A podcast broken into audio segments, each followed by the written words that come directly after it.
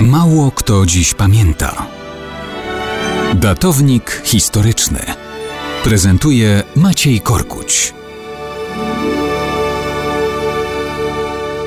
Mało kto dziś pamięta, że 28 kwietnia 1067 roku na norweskim tronie zasiadł Olaf III. Olaf był synem z nieprawego łoża króla Norwegii Haralda III Surowego i, no powiedzmy wprost, jego nałożnicy.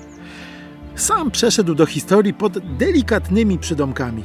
Nazywano go miłującym pokój, spokojnym albo po prostu cichym. Cóż, w gruncie rzeczy trudno się dziwić, wszak obejmując tron musiał się bowiem zmierzyć z traumą po dramatycznej klęsce, której skutki ciążyły nad Norwegami przez całe pokolenie. Olaf bowiem jeszcze jako królewicz wraz z bratem Magnusem wzięli udział w zorganizowanej przez ojca wyprawie norweskich wikingów na Wyspy Brytyjskie. Najpierw ich ojcu szczęście sprzyjało. Harald Surowy odniósł miażdżące zwycięstwo nad wojskami Erlów Northumbrii i Mercji. Już Harald w gruncie rzeczy zamierzał świętować sukces i przyjmować hołdy, kiedy nagle zjawiła się nowa angielska armia, tym razem Harolda, już wcześniej zaproszonego na angielski tron. I tu doszło do prawdziwej rzezi nieprzygotowanych Norwegów. Do bitwy doszło pod Stamford Bridge.